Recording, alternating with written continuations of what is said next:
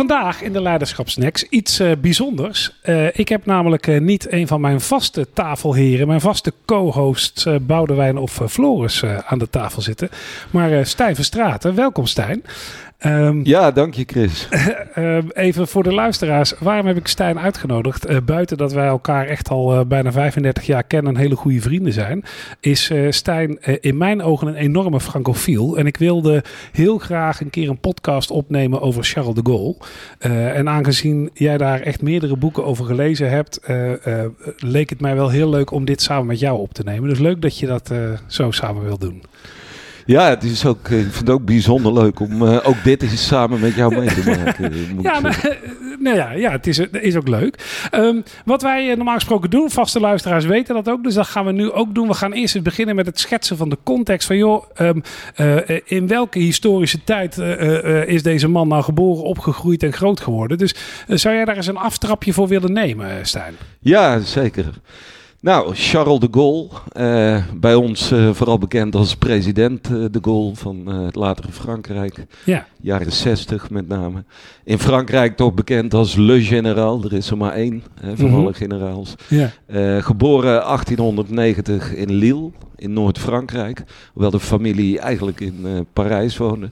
In een nou, redelijk orthodox, conservatief, katholiek uh, gezin. Patriotische waarden. Ook -hmm. wel sociaal bewogen. Ze waren gegoede burgerij, maar niet enorm rijk. En een achtergrond, uh, zijn vader was leraar bij de Jezuïeten, een, een, een streng uh, college. En de Gaulle zelf heeft uh, ook bij de Jezuïeten uiteindelijk zijn vorming gehad. Mm -hmm. Degelijke klassieke opleiding. Van 1908, hij is dan 18 tot 1912. Uh, studeert hij aan de militaire academie van Frankrijk, Saint-Cyr. Mm -hmm. door Napoleon opgericht, als ik het goed heb.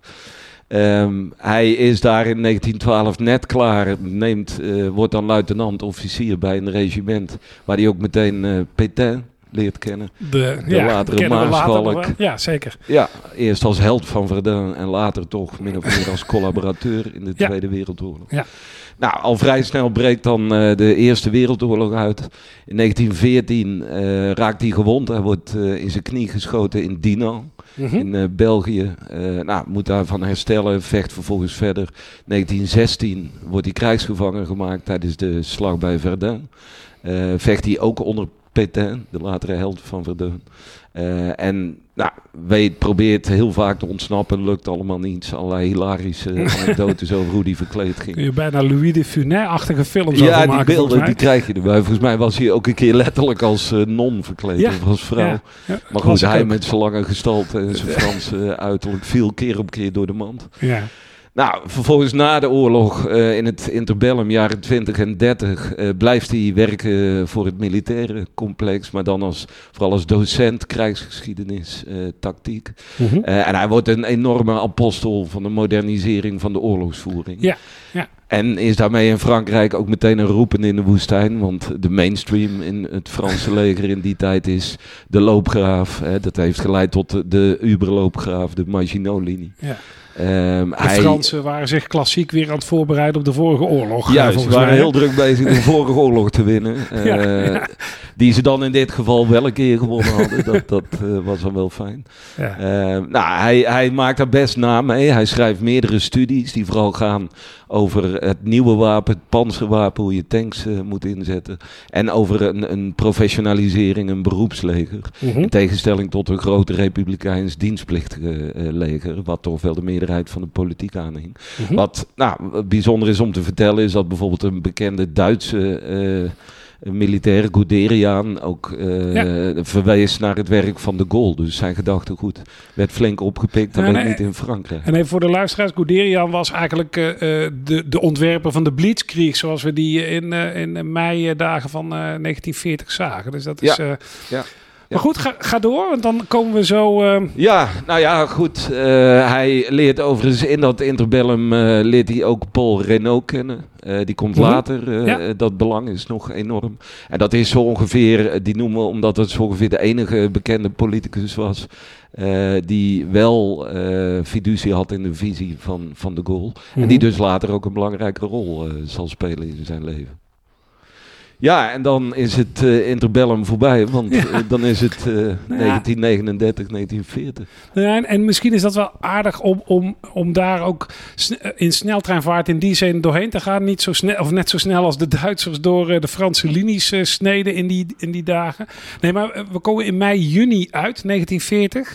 De Blitzkrieg, ja, daar hoeven we denk ik niet heel uitgebreid over uit te wijden. Maar wat we zien is dat hij eigenlijk heel erg aan het begin van die oorlog al wordt hij eh, vrij snel gepromoveerd uh, tot brigadegeneraal van toch, dan toch maar een panzerdivisie. De Fransen waren er wat laat bij, maar aan het begin van die oorlog doen ze daar toch iets. Hij wordt door die Renault die jij al aanhaalde, wordt hij zelfs vanuit het leger staatssecretaris gemaakt in de regering. Um, uh, dat is allemaal in begin juni. Halverwege juni stopt Renault als uh, uh, president of premier. Dat ben, premier. Ik, nou, ben ik nou even kwijt. Premier. Ja. Pétain neemt dat over. Hè? Pétain die uiteindelijk inderdaad Vichy France um, aan de Duitsers lieert, om het zo maar even te noemen. En op 17 juni, en dan gaan we inderdaad even met de data stoeien. Dan gaat de Gaulle met een grote, twee grote koffers met geld ja. die hij meekrijgt, gaat hij naar Engeland. Die kreeg van Renault ook. Dat ja, is ook wel leuk om te vertellen. Ja, dat is inderdaad wel, dat, dat, klopt. En 18 juni doet hij dan die beroemde oproep op de BBC, waarin hij eigenlijk de vrije Frans, en ik vertaal dat even vrijelijk, want mijn Frans is echt een stuk minder goed dan dat van jou, maar waarin hij eigenlijk zegt, vrije Fransen, uh, verenigt u. Um, en dat brengt mij bij de vraag die ik ook uh, ter voorbereiding aan jou stelde, omdat dat uh, mij enorm bezighoudt. Wat je ziet dat in die periode uh, zit hij daar in Engeland. Frankrijk is aan het verliezen en eindigt ook inderdaad met een Vichy-regering en het halve land wordt opgesplitst. En er vluchten een flink aantal Fransen naar Engeland. Het laatste stukje, zeg maar, vrij Europa nog, want naar Spanje was ook niet echt een optie met Franco daar, dus naar Engeland. en het lukt hem en ik, eh, dat houdt mij echt wel bezig. Het lukt hem om inderdaad de vertegenwoordiger te worden van die vrije Fransen. En dat lukt hem niet alleen in die eerste weken, maar dat lukt hem langdurig uh, uh, van zo'n aard dat hij het zelfs voor elkaar krijgt om als Parijs eenmaal bevrijd wordt in 1944, dan mag hij ook zeg maar met een, met een handjevol Fransen mag hij als eerste die hoofdstad binnen om ze te bevrijden. Terwijl de vrije Fransen wel een bijdrage, maar echt geen, geen wezenlijk grote bijdrage hebben geleverd aan de bevrijding van Frankrijk. En wat mij enorm bezighoudt, en ik ben heel erg benieuwd wat jij daarover zou kunnen zeggen, is hoe krijgt hij dat nou voor elkaar? Hij komt aan met inderdaad wat koffers geld in Londen, maar als maar een brigadegeneraal. En hij krijgt het toch voor elkaar om uh, met Churchill in, in, in uh, uh, zeg maar een band op te bouwen. Hij ja, vliegt in ja. die oorlogsjaren naar Roosevelt, Amerikaanse president. Hij krijgt kolonies, Franse kolonies aan ja. zijn zijde. Hoe dan? Hij wordt gezien als het Frankrijk, het officiële ja, Frankrijk, nou, terwijl dat, hij dat verre van was. Maar hoe dan? Hij kwam als het ware berooid aan als een van de velen die eventueel aanspraak hadden kunnen maken op die ja. plek. En hij krijgt het voor elkaar. Ja, Nee, dat is, uh, die vraag is ook heel interessant. Want uh, die nodigde mij ook wel uit om, om eens wat dieper te kijken. Mm -hmm. uh, van ja, waar zit dan hè, zijn toegevoegde waarde nog veel meer? Mm -hmm. Kijk, wat de meeste mensen wel weten is, hij had sowieso twee dingen hè, in, in combinatie. Hij had een totaal heilig geloof in Frankrijk. En Frankrijk moest groot zijn, glorieus. Uh, dat wat was wel heel zijn leven, daar had hij ook voor gevochten. Dus dat, uh, en daarnaast had hij als persoon ook gewoon een enorme sterke persoonlijkheid. Hè. Er zullen waarschijnlijk weinig mensen ooit zo eigenwijs zijn geweest. zo totaal niet gevoelig voor schaamte. Uh, ja. Nou, dat geeft hem al een bepaalde kracht. Zeker, maar wat, dat, dat kennen we van hem. Ja, klopt, klopt. Dat weten de meeste mensen ook wel. Ja. Uh, wat, wat verder wel opviel, en uh, nou, wat ik ook pas uh, later besefte, als je wat dieper induikt. Hij was ook een enorm goede people manager. Hè? Mm -hmm. Tegenwoordig denk je dan niet meteen aan een, een, een persoon als de goal. Maar nee. uh, wat als rode draad door zijn carrière liep. En dat had, nam hij ook mee naar Engeland. Hij had een heel fijn oog voor de talenten van mensen. En ook hoe hij die kon aanboren en inzetten nou, voor wat hij als het hoge doel zag. Mm uh, dat, is, dat is één hele belangrijke. Hij was daarnaast, en ook daarvoor dacht ik altijd, is hij veel te hoekig en arrogant. Maar hij is ook een ontzettend goede netwerker. Hè, we hebben net al behandeld, maar hij heeft door zijn hele carrière heen steun gekregen van Pétain in de jaren 10, 20, 30. Hij, uh, Renault, de toekomstige premier, heeft een bepalende rol gespeeld. Nou, uh, en, en Churchill, jij noemt hem al, die heeft hij op de een of andere manier voor zich weten te winnen. Terwijl ze ook legendarische ruzies met elkaar Ja, zeker. Maar zij, zij elkaar altijd blijven respecteren. En Churchill is, nou, heeft het belang van hem blijven zien. Uh, dus dat zijn twee hele belangrijke dingen. En daarnaast was het ook een ontzettend slimme schaker. Daar, mm -hmm. uh, uh, hij, hij, wist handig te opereren, hij wist tegenstand uit te schakelen. het is misschien wel aardig om te vertellen, hè, want de meeste kolonies bleven absoluut achter Pétain staan. Uh, achter het officiële Frankrijk. Maar hij wist, er zijn er twee die zou wel eens aan mij kunnen overgaan. Mm -hmm. Tjaat uh, had een zwarte uh, gouverneur. Mm -hmm. nou, daar wist hij van, die man gaat never nooit met Peter en Hitler in zee. Alleen al vanwege nee. de rassentheorieën. Nee, precies, ja, logisch. Nou, en inderdaad, hij gaat daar naartoe en die verklaart zich met heel Tjaat achter hem voor.